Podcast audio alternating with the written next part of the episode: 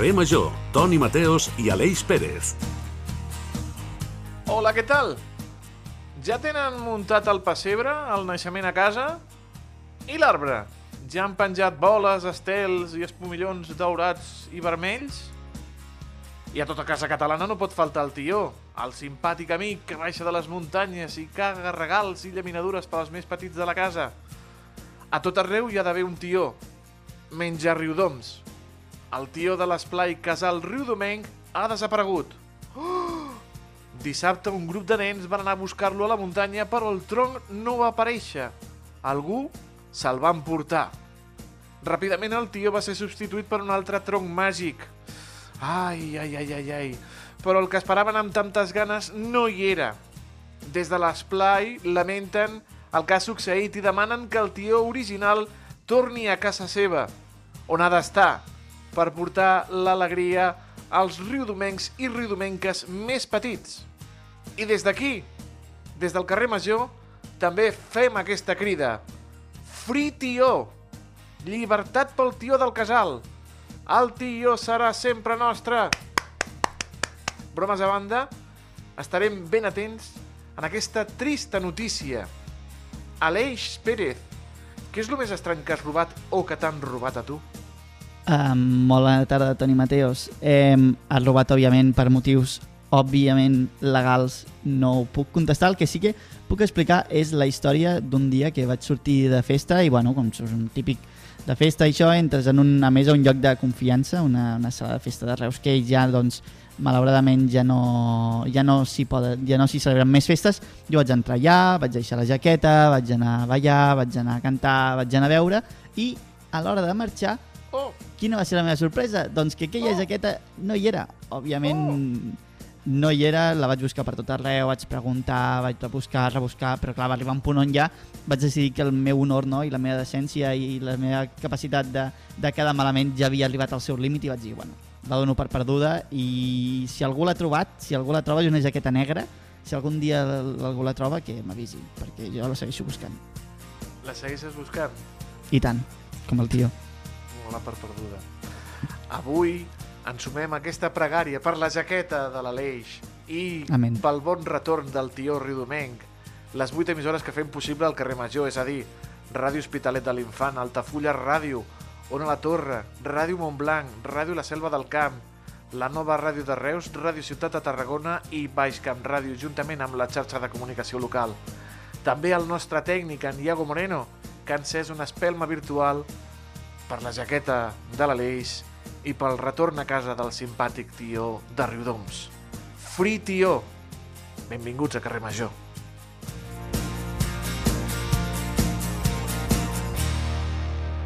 Tot el que passa al Camp de Tarragona t'ho expliquem a Carrer Major.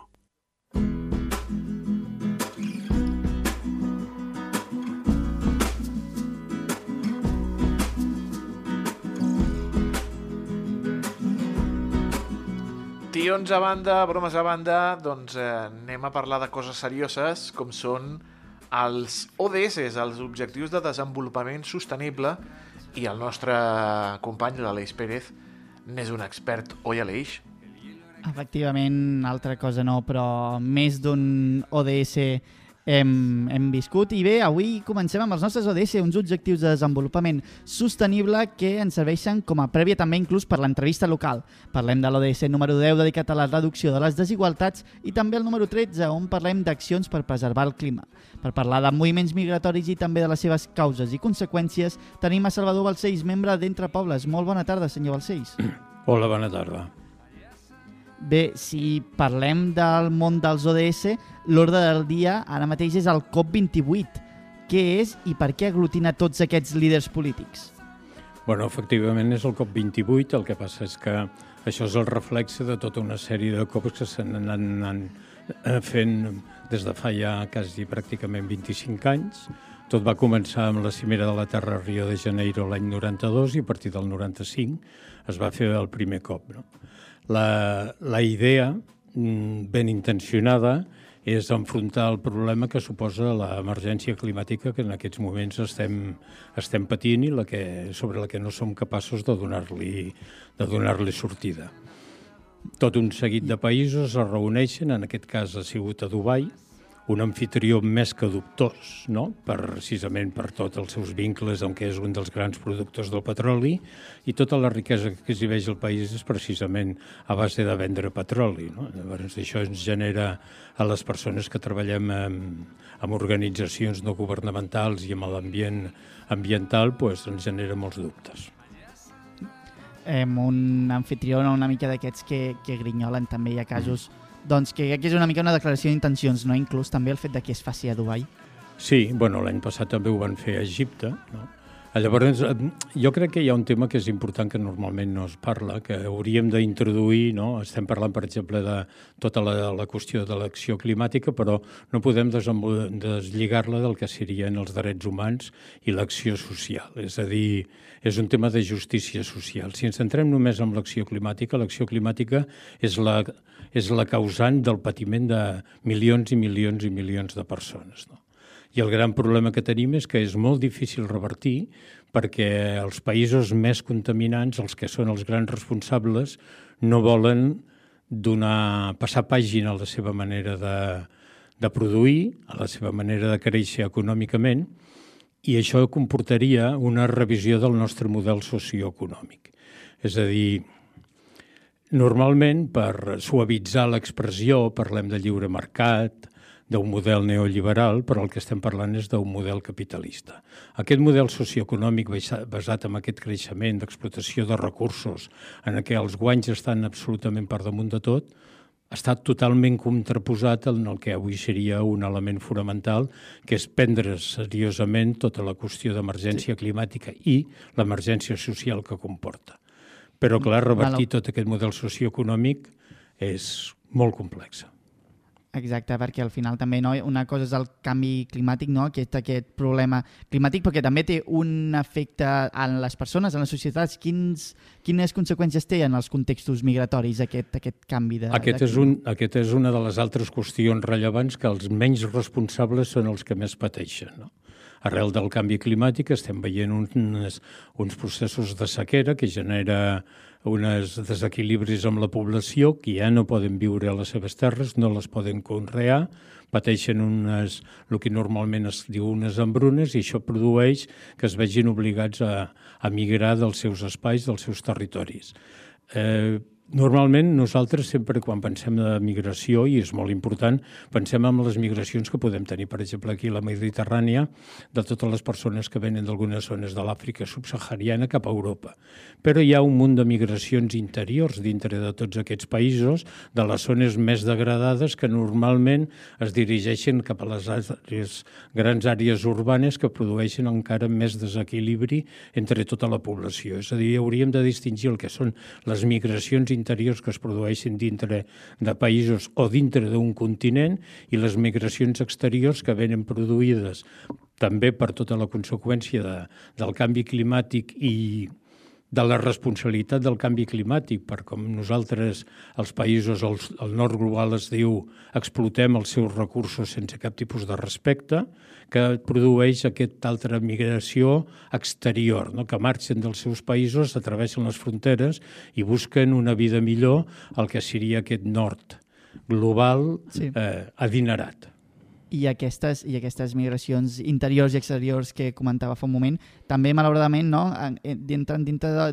d'una separació de, de classes o de, o de classes socials. No? Potser els processos eh, migratoris interiors doncs, busquen alguna feina més en el sector secundari, en el ter sector terciari, però moltes vegades en les, les migracions externes van sobretot al sector primari que la gent del mateix país no vol, no vol cultivar més. No? En aquest la gent del mateix país no vol cultivar més, però també hem de reconèixer que nosaltres hem produït grans desequilibris amb les seves pròpies collites. O els hem acaparat terres. Mireu, eh, si ara algun dia féssim l'anàlisi d'un element tan nostrat com és la rosa de Sant Jordi, què hi ha al darrere de les 6 milions de roses de Sant Jordi que es venen cada any per Sant Jordi, potser ens cauria la cara de vergonya. Perquè bona part d'aquestes roses venen de Sud-amèrica i si sapiguéssim en quines condicions estan treballant les persones que produeixen aquestes roses, de debò que ens cauria la cara de vergonya. i en, i en aquestes situacions, no? que una mica també quina és la resposta, no? En principi, els que més ho pateixen són els, que, els menys responsables, però els països que sí que són responsables, que realment doncs una mica són els que dirigeixen tot això, quina hauria de ser la resposta o si realment s'està complint, s'està fent el que, és el que s'hauria de fer per revertir aquesta situació. Amb el model socioeconòmic actual som incapaços de donar resposta perquè nosaltres volem continuar creixent i volem continuar tenint un confort de vida.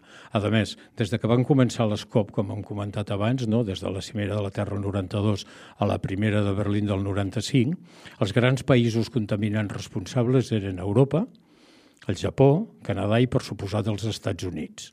Però en aquests últims 30 anys s'han incorporat altres països, tots sabem ara, per exemple, el potencial de la Xina, però també s'han incorporat els famosos BRICS, Brasil, Rússia, Índia, Sud-àfrica, amb un model de creixement que l'únic que fa és incrementar el, el problema que nosaltres tenim.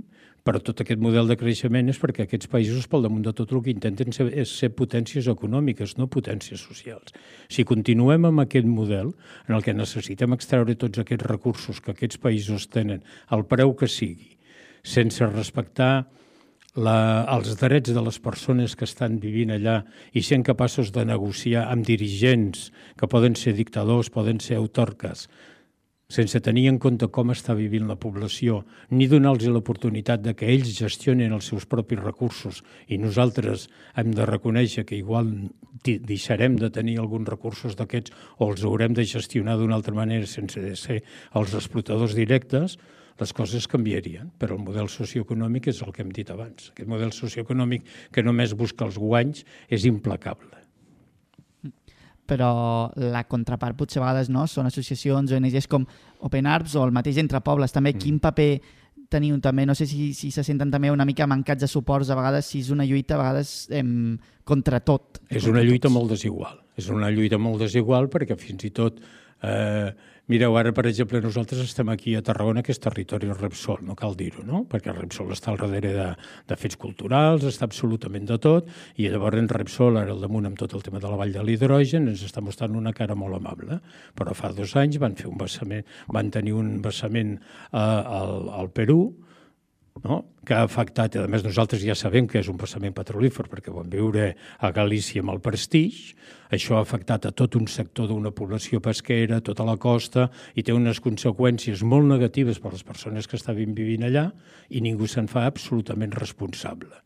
Aquí fins i tot han vingut persones afectades, s'ha fet una gira en la que hem contribuït unes quantes ONGs i ecologistes en acció, s'han fet visites, no? El govern espanyol no va estar massa per la labor, perquè, clar, qui li posa el cascavell al gat.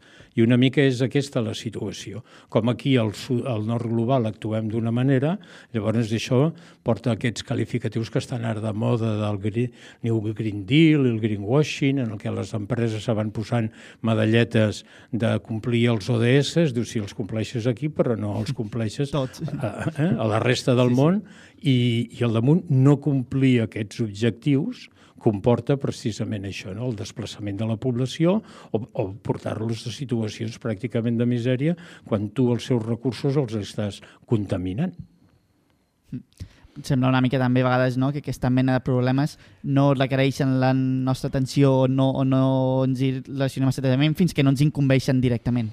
Bueno, realment és així i després també s'ha de reconèixer que, és a dir, tota l'estructura, no? perquè hi ha, hi ha tota una sèrie de països en el que treballem les, les ONGs en què s'intenta portar denúncies per la via judicial i l'únic que fas és trobar-te obstacles perquè és un enfrontament entre, diguéssim, les classes populars i sobretot en molts països estem parlant de població indígena contra una estructura que en surt molt beneficiada de, de pràcticament regalar els seus recursos energètics i els seus recursos minerals a les grans transnacionals. I de, després, de, davant d'aquesta situació de benefici de les oligarquies dominants i d'una estructura jurídica i judicial subordinada amb aquests interessos, les queixes i les demandes de la població afectada pues, són molt limitades i normalment no tenen massa recorregut.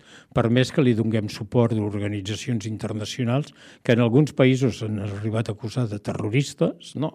I fins i tot permès que les organitzacions aquí estem pressionant moltes vegades el mateix Parlament Europeu perquè estem constituïdes, però clar, el Parlament Europeu eh, i sobretot la Comissió Europea pues, tampoc no està per la labor perquè s'ha d'enfrontar amb aquests grans lobbies transnacionals de pressió.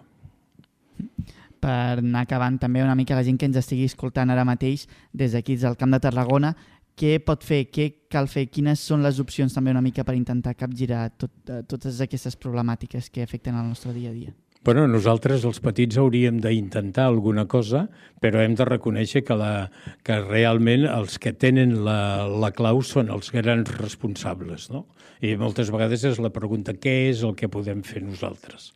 Què podem fer nosaltres? No? Reduir un tipus de despesa, fer consum de quilòmetre zero, ser conscients de que hi ha tota una sèrie de productes que no els hauríem de comprar, fer boicot a una sèrie de, de, és que ja realment ja són transnacionals que sabem que, per exemple, el mateix cafè, no? el mateix cafè l'hauríem de boicotejar perquè els productors de cafè estan perdent diners perquè el monopoli del cafè està amb 4 o 5 transnacionals, està amb Nestlé, està amb Starbucks, tenen un, una llotja internacional del cafè i com que s'han constituït amb un lobby de pressió, amb un càrtel, que normalment es diu, estan pressionant els mateixos productors. Pues ara imagineu-se si nosaltres fóssim capaços de deixar consumir cafè amb queixa per l'actuació que estan tenint. Per això és molt difícil el que podem fer.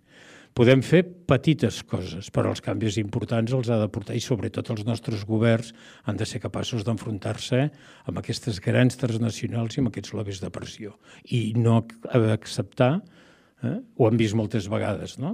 Quan les nostres transnacionals, aquí les nostres, tenen accions a diferents països, ens diuen que són interessos nacionals. De debò algú es pensa que Repsol és un interès nacional de tots els ciutadans?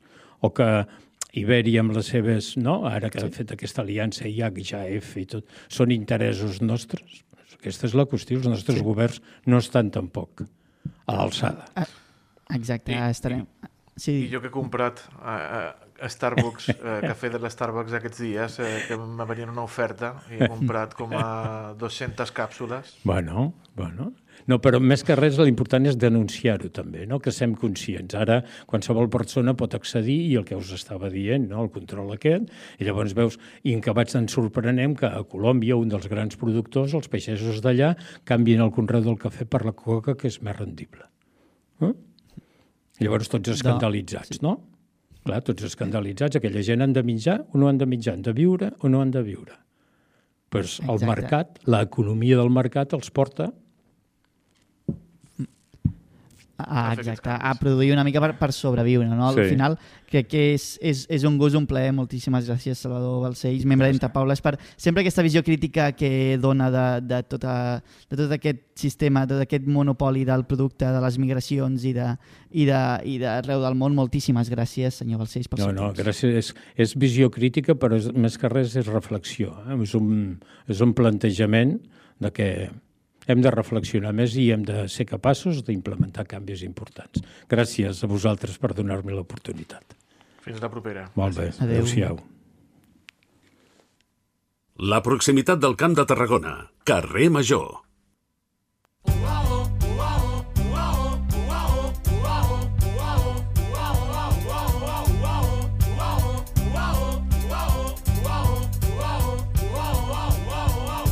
Me sobren paraules, agulla, fil de cosi, tisores...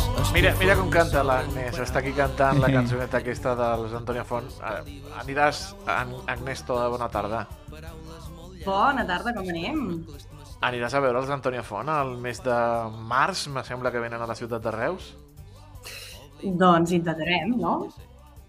Has de gastar els diners, perquè me sembla que... Ens estalvis, les entrades. Sí. Bé, és el que passa, és Antònia Font, sí, sí. avui no parlarem dels Antònia Font, aneu, avui anem a parlar del Nadal, d'aquestes festes. Hem parlat abans de la desaparició del tió de Riudoms. Encara estem dolguts, eh? Estem encara molt dolguts. Encara estem, encara estem. Encara estem, bueno, i la jaqueta de l'Aleix també, Ai. que va desaparèixer una nit de Nadal. Uh, és tan típic nadalenc com el caganer, els pastorets, les neules i els torrons.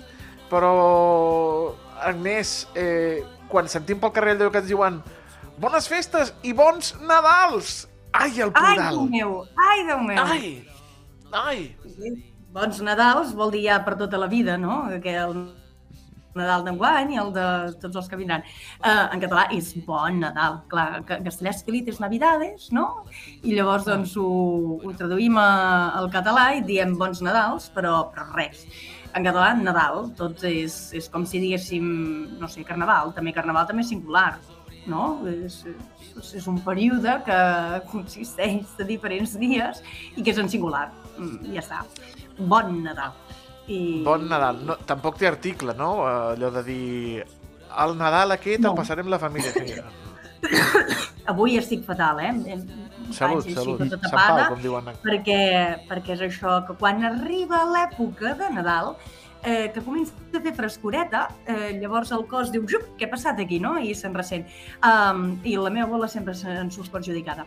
a veure, podríem dir el Nadal del Mm. 2021 va ser especialment interessant per mi, perquè els Reis em van portar allò que desitjava tant des de feia tants anys, allò sí que podríem dir el Nadal. El Nadal. El Nadal. Si, si parles d'un Nadal concret, pots parlar del Nadal eh, de tal any, de tal moment, sí, sí, cap problema, però eh, si no, genèricament parlem això, de, de Nadal. Eh? Enguany per Nadal eh, convidaré tota la família aguda i per haver a casa i, i haurem de marxar els que hi vivim perquè siguin els Sí, altres. bona sort. Eh, era broma, però era un exemple que, que podria ser. Clar, també diem altres coses malament, com per exemple quan diem els Reis Mags. Perquè A en veure, català... a veure, a veure... A Reus són els reixos. Els Reixos, sí, Reixos. els Reixos. Està malament, però, però són els reixos. No, eh, és, és, sí, això és una co- cosa dialectal, però doncs no els hi podem dir els Reixos Mags, són els, rei, els Reis Mags, els Reixos, els Reixos. De fet, quan diem els reixos ja són aquests, ja són aquests que són màgics i que, i que venen d'Orient, no? Perquè si no, quins altres reixos hi ha? No, res, que, que no ho són No monàrquics. Que partint regals no n'hi ha cap, cap altres, crec. Mm, ah, Exacte, repartint Uh, regals, bé, no Repartint sé altres si coses. porten regals a determinades persones A als nosaltres, no. altres i de quin tipus són aquests regals. No Però eh, els, uh, aquests que venen d'Orient, uh, que siguin mags, se'ls hi suposa, que siguin màgics, se'ls hi suposa perquè Eh, perquè és això, són, són capaços de portar regals per molta gent, eh, tenen el do de la ui- ubiquitat, no? que estan al mateix moment en diferents llocs. I, I bé, i doncs això que dèiem, se li suposa la qüestió de la màgia, de la mateixa manera que, per exemple, en català, el, aquella senyora, que és ara serà la Maria Immaculada Concepció, doncs eh, aquesta senyora, eh, en català és la mare, la mare de Déu, que és verge, en català també se li suposa, però nosaltres no li diem que sigui verge. Sí, en, català, en castellà sí que és la Virgen Maria, però en català és la mare de Déu. Si és verge o no, no sé, potser és que no ens importa als catalans, però doncs, en tot cas, se li suposa, se li suposa. Que jo ja veig el Déu, bé, els dos, el. Toni i l'Aleix que riuen, eh? Doncs això, en tot cas, se li suposa. I, i clar, tenim altres expressions que diem malament, com per exemple... Ai, sí. Has dit Això de abans... les- eh, Digues, digues, perdona. Ah, no, no, no, eh, és que ens, ens trepitgem. Això passa perquè no estem al mateix espai, si no ja veuríem que un Ah, vol parlar i exacte, l'altre exacte. també. I que... Però bé, um, les noche, la noche buena o la noche vieja, no? la nit Ai. bona i la nit vella.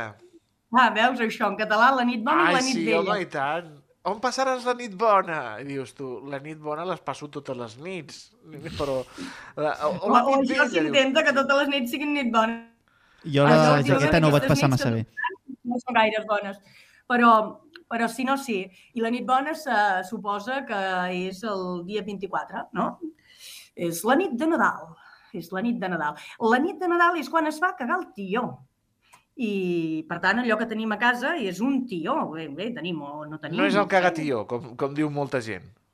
No, el tió el fem cagar. Nosaltres, que els catalans que som eh, que som tan d'això, no? De, de, de fer cagar, eh? Eh, perquè doncs, tenim el, el tió que caga regals i tenim el que gani el pessebre i doncs això, no?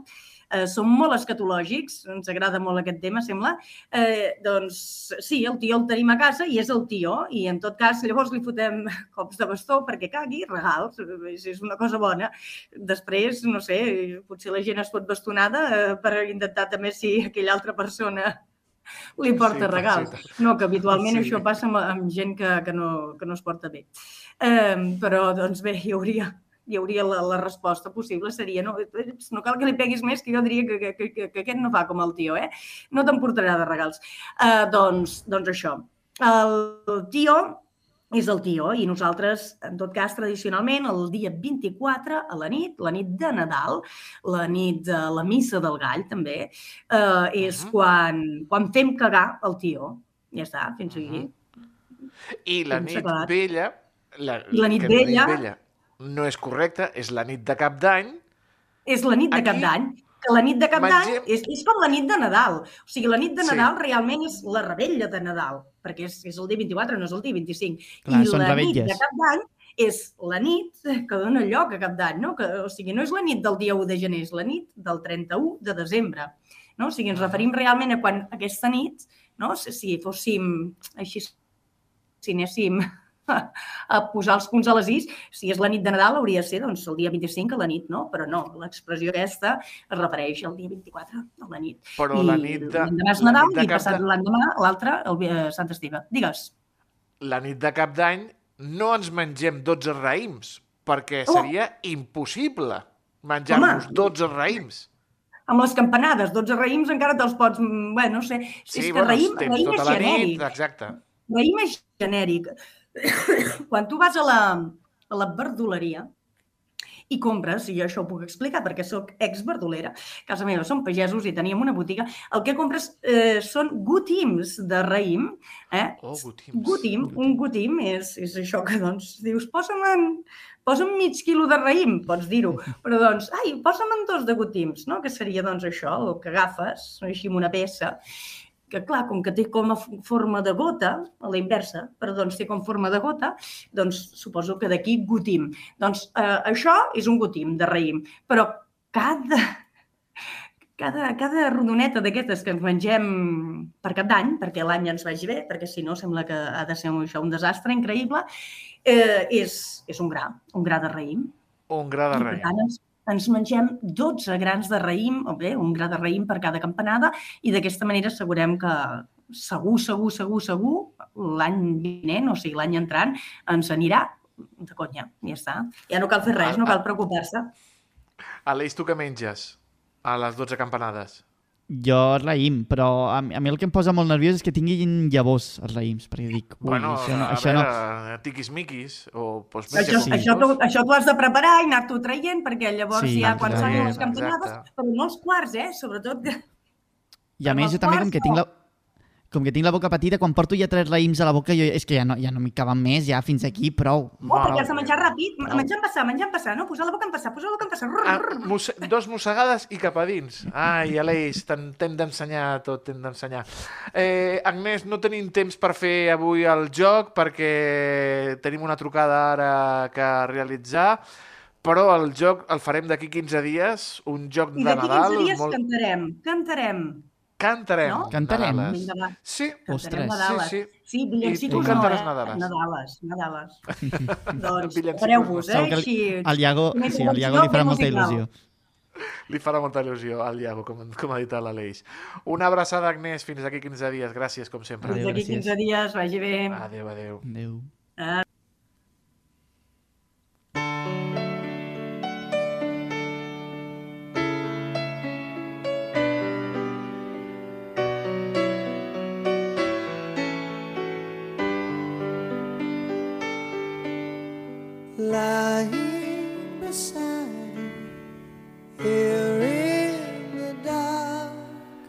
Doncs és la trucada que havíem de fer perquè la gent d'Open Arms, ho hem dit, aquesta ONG ha arribat al port de Tarragona per portar-nos una exposició flotant sobre els drets humans. La tasca d'Open Arms, ben coneguda per tots, ara ens mostra la cara de les persones rescatades al mig del mar, els seus objectes personals, les seves pors, la seva angústia, la mort, però també l'esperança. Per parlar d'aquesta mostra i de moltes coses més tenim a l'altre costat del fil telefònic a la Àngeles Schaer, responsable d'educació d'Open Arms i a la qual saludem. Eh, Àngeles Schaer, molt bona tarda. Bona tarda, què tal? Molt bé, he pronunciat bé el cognom? Bueno, una mica que no. regulero, però no passa res. Li direm, li direm Àngeles, que serà molt més fàcil. sí, no, no, no passa res, estic acostumada. Ara esteu a, amarrats a Tarragona, eh, perquè Sí. esteu fent aquesta exposició itinerant pel, per tot el Mhm. Mediterrani. On, on heu estat i on anireu a parar durant aquestes dates, Àngeles?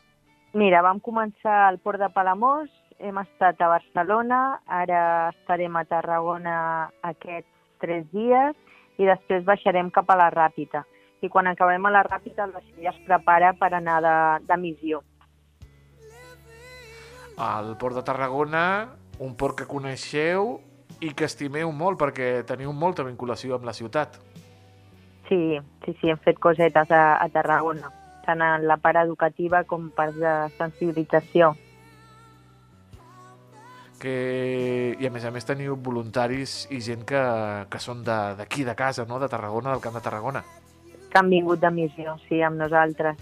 Hi ha diversos sanitaris que han vingut a les missions de mar. També en aquesta visita no, he aprofitat per uh, parlar d'una signatura amb el conveni amb l'Ajuntament. Quina importància també és teixir aliances a, a l'hora de, de, de fer tota aquesta tasca de difusió i de salvament? Bueno, és una tasca fonamental perquè sense la sensibilització i l'educació no canviarem absolutament res. Al final nosaltres estem fent una acció puntual, una atenció amb una emergència, però, però hem d'educar a aquest món a que sigui més empàtic i més amable amb totes les persones vinguin d'on vinguin. I això és anar fent pues, mica en mica i copala i, i tenir paciència perquè les coses canviïn.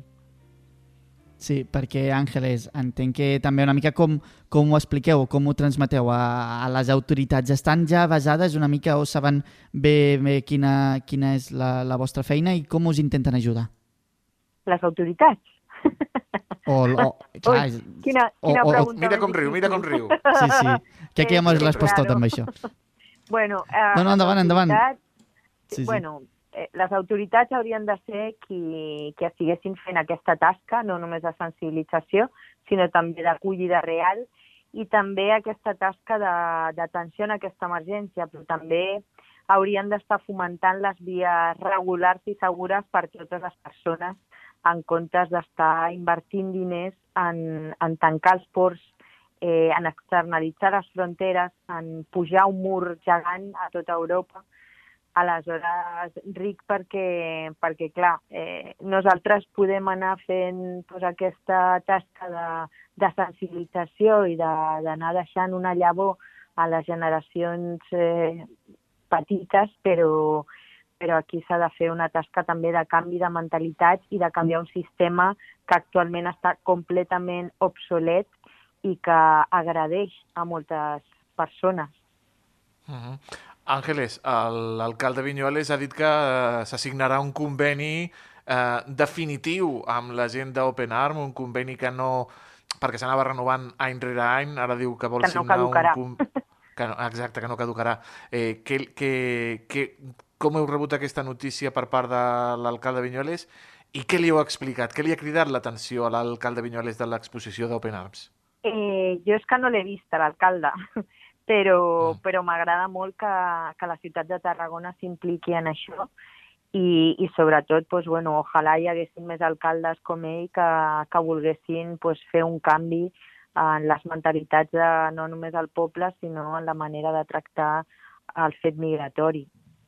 De fet, jo crec que, que, com deia abans, és que hem de canviar el sistema completament. Nosaltres, quan fem les xerrades, a, a la gent jove els convidem a ser antisistemes, i ser antisistema no significa sortir a rebentar una ciutat, sinó significa canviar un sistema que no està funcionant i que està deixant de banda a moltes persones.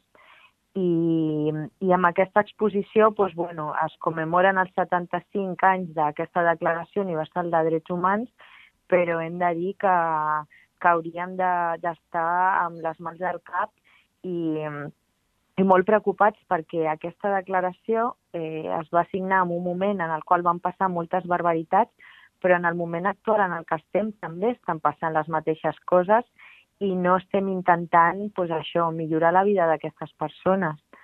Amb la qual pues, bueno, ojalà hi hagi més ciutats implicades com la ciutat de Tarragona. Mhm. Parles del respecte dels drets humans. Ara, actualment, si mirem a, a- a terra, veiem Gaza, eh, on no s'estan respectant, veiem eh, el conflicte d'Ucraïna, on tampoc s'estan respectant, i a la mar, què? I t'anava a dir, ha altres 58 conflictes també. Correcte, A la mar 58. tampoc, sí, a la mar tampoc s'estan respectant. A la mar, de fet, el que tenim eh, és una policia de, de fronteres, són uns estats membres que estan donant l'esquena a moltes persones. Tenim doncs, bueno, una Europa irresponsable completament que no es vol fer càrrec dels problemes que ha generat en molts països. Tenim des d'aquí, des de la península, una responsabilitat enorme perquè estem produint, produint armament i l'estem venent i exportant a altres països que, que, bueno, que el que estem fent és que milions de persones s'hagin de desplaçar de casa seva per, per aquest motiu, per un problema gegant que hem provocat nosaltres. El mar eh, s'ha convertit actualment en un cementiri gegant, una fossa comú enorme, on moren cada dia pues, centenars de persones i, i no ho volem mirar, no, no. donem l'esquena a tot això perquè ens fa molt de mal. També tenim un continent que, que no té memòria històrica i aleshores està repetint les mateixes errades que ja, que ja va fer anys enrere i no tenir memòria històrica pues, significarà això, que continuem pues, pues, repetint les errades que ja van fer o que continuem avalant discursos de l'odi que agradeixen sempre a les mateixes persones. Amb la qual pues, bueno, la situació actualment és, és molt trista, realment. Eh, et dona molta impotència. I aquesta realitat, Àngeles, que comentaves, que a vegades no s'intenta com girar l'esquena o incomoda, és, és doncs, poc agradable no? de, de, de, de vegades de visualitzar. Com ho heu intentat canalitzar a partir de l'exposició i també una mica en aquesta tasca de divulgació, d'una mica explicar aquesta realitat dura però que, que s'ha de, que de, que de conèixer? Bueno, suposo que, que amb l'exposició doncs, tenim una eina més per parlar d'aquestes vulneracions de, de drets que reben moltes persones a dia d'avui, que, que pensem de vegades que, que passa a països molt llunyans, però no, també està passant a casa nostra. Eh, és una exposició que explica l'origen d'aquestes migracions, els motius que fan que, que les persones migren de casa seva, que explica també eh, tot, tot el trajecte migratori i els perills que troben aquestes persones, però que també explica com rebem a totes aquestes persones que entren de manera irregular al país i, i el desgast i el maltracte administratiu que, que reben aquestes persones. Eh, volem posar pues, un punt de llum al final de, de tot això i de dir que totes aquestes coses les hem fet els humans, o sigui que les podem revertir. Eh, aleshores, si empoderem a la població, si els hi donem la informació, potser el dia de demà començarem a veure canvis.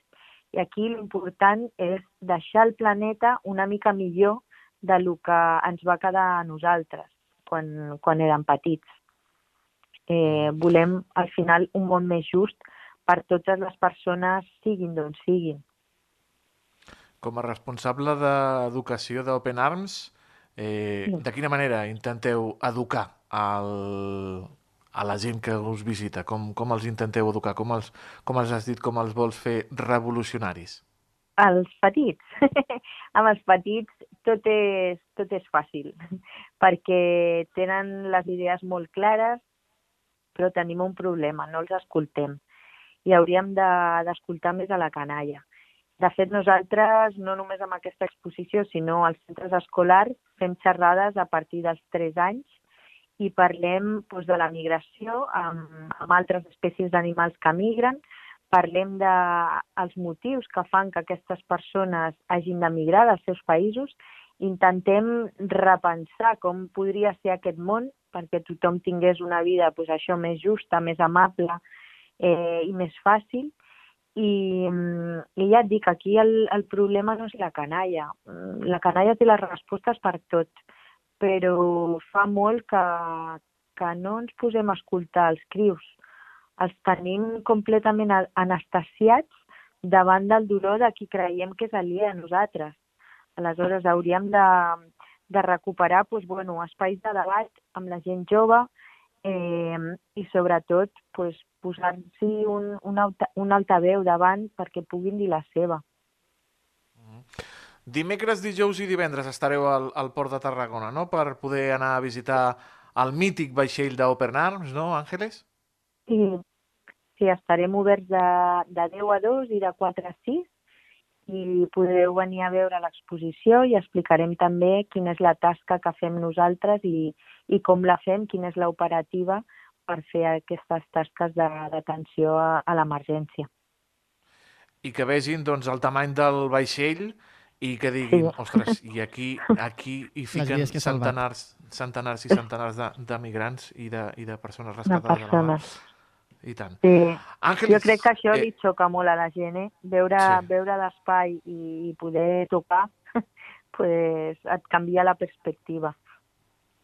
Àngeles Schaer, eh, responsable d'Educació d'Open Arms, moltíssimes gràcies per acompanyar-nos aquesta tarda al carrer Major i felicitats per la tasca que feu. Moltes gràcies a vosaltres per aquest espai i gràcies per col·laborar amb la nostra missió. Una abraçada, que vagi molt i molt bé. Un Una abraçada. Adéu, bona tarda. Adéu. Estàs escoltant Carrer Major.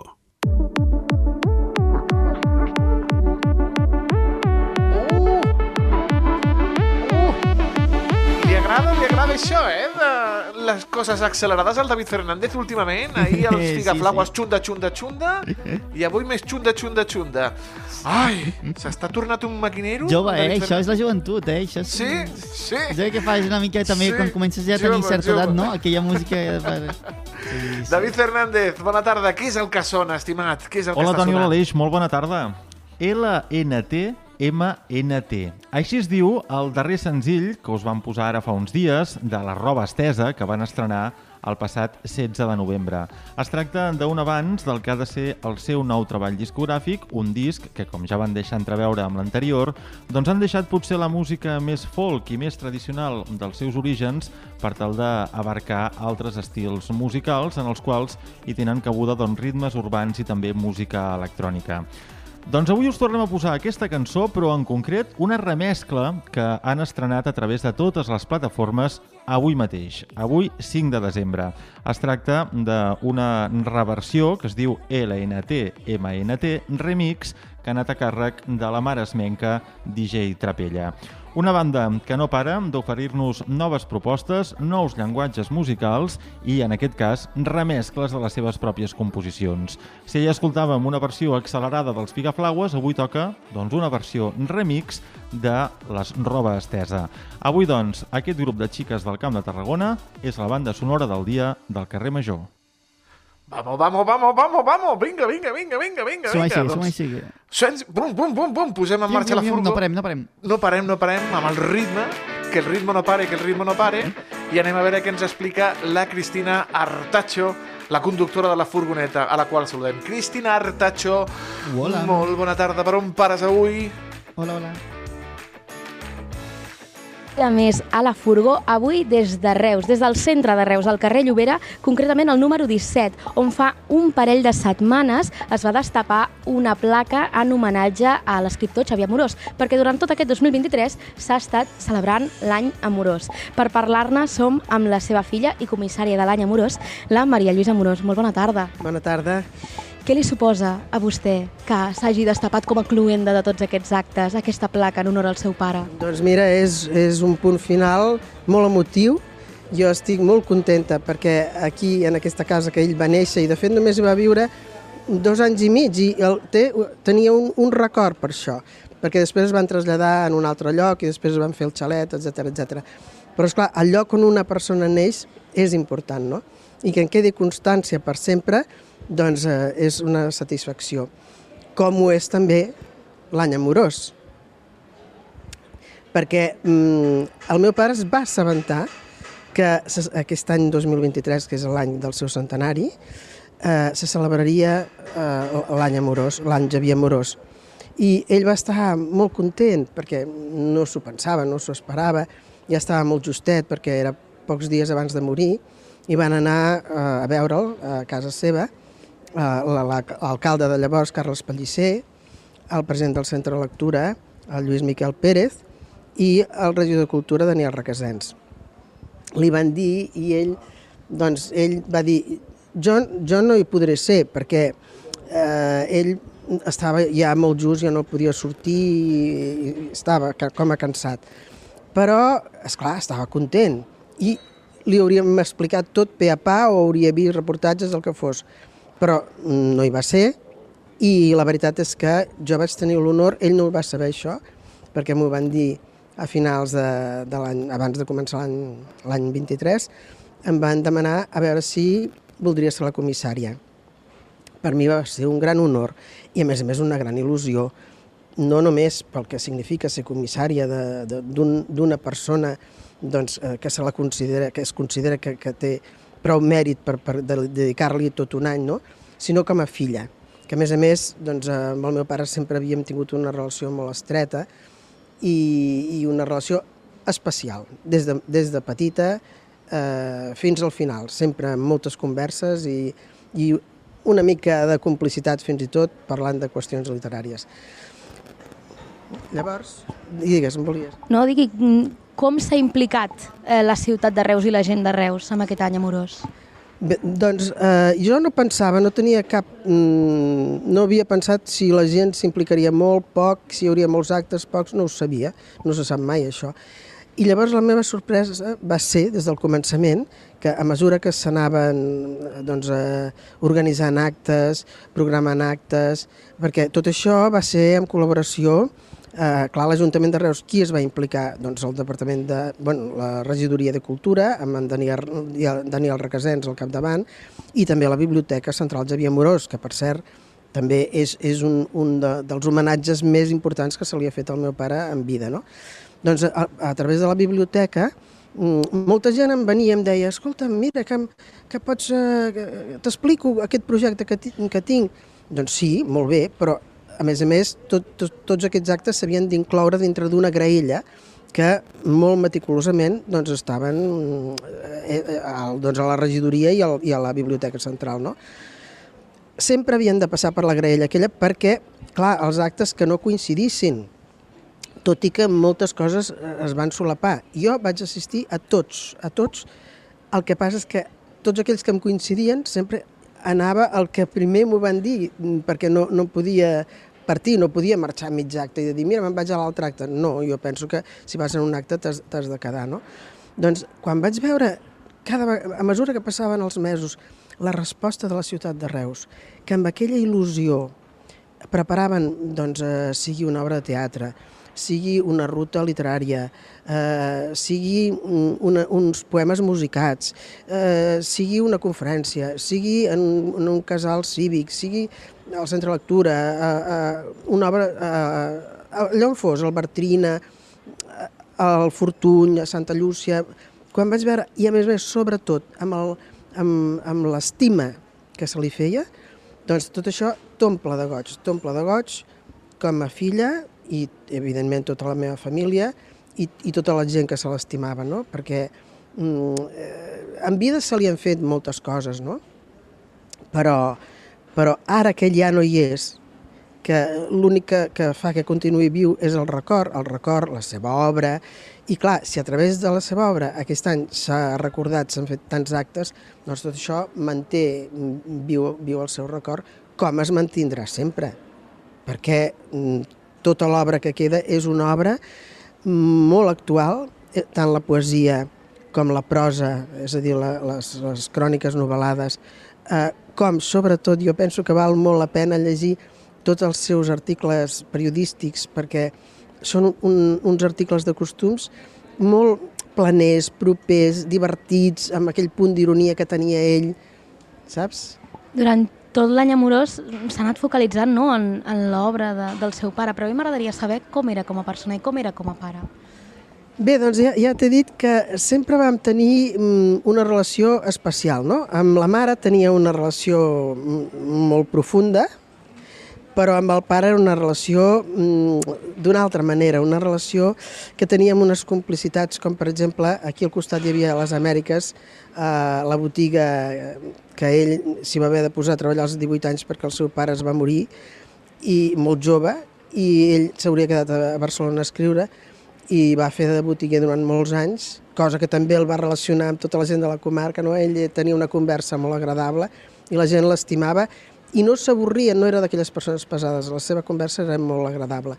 Doncs jo de petita ja veníem el diumenge aquí a la botiga perquè el meu pare doncs, escrivia al despatx, ja escrivia poemes, jo era petita, i, i teníem unes aventures a vegades perquè ell sabia jugar d'una manera amb la seva imaginació i la meva imaginació, que jo també tenia, doncs entre tots dos a vegades fèiem unes històries molt bones.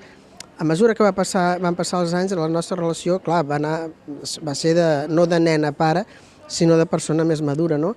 I sempre hem tingut, ja et dic, moltes converses sobre tot tipus de coses, no? Sobretot en, en literatura i amb la qüestió que jo he estat professora, cosa que a ell també li ha agradat molt la docència, sempre ens hem vingut eh, per aquest vessant, no? Estem parlant del Xavier Morós, que és el pare de la Maria Lluïsa, però ella mateixa també s'ha dedicat a les lletres i també és escriptora. De fet, aquest mateix any ha tret una novel·la. Era inevitable tenir aquesta passió per l'escriptura, tenint un pare escriptor? Potser sí, però de fet jo volia ser professora. Això és el que sempre havia tingut clar. M'agradava explicar literatura, m'agradava explicar llengua i, i explicar llengua catalana i literatura catalana per mi era un plaer. Jo parlava dels autors amb passió, no? I m'agradava comunicar aquesta passió.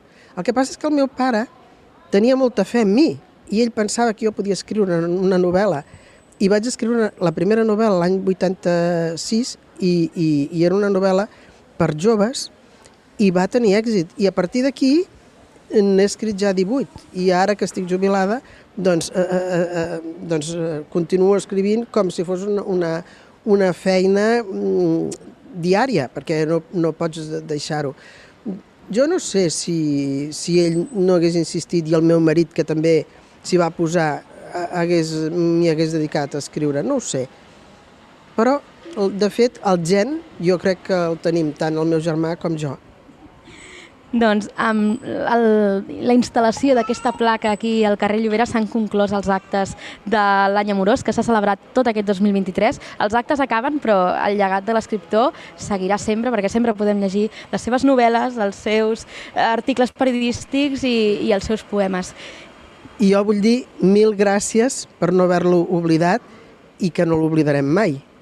Per això, com dius tu, Cristina, el seu llegat és aquí i jo espero que el llegeixi molta gent, que el continuï llegint molta gent i sobretot que els joves s'interessin, perquè la seva literatura és molt planera, els seus poemes molt planers, molt, molt propers a les persones. Doncs amb aquestes paraules de Maria Lluïsa Morós tanquem la furgó d'avui des d'aquí, des de Reus, i ens veiem a la propera. Adeu! Adeu, Cristina, moltíssimes Adeu. gràcies. Eh, Aleix, el carrer Major torna dijous amb un programa especial. Ep, Ep, tindrem programa especial dijous i, dilluns tornarà doncs, la programació habitual del carrer Major amb la Anna Plaça i l'Aleix Pérez, perquè Sí. el senyor Toni Mateos, dilluns i dimarts, fa Megapont. deixar les escoles del piset. Les escoles Sí. del piset. Recorda de, de passar El cuida'l, cuida'l, eh? Cuida'l. Sí, sí, sí. Amb el Iago vam Vinga. fer una festa l'última vegada. Sí, ja ho vaig sentir, ho vaig sentir. Vinga, Adéu. que vagi bé.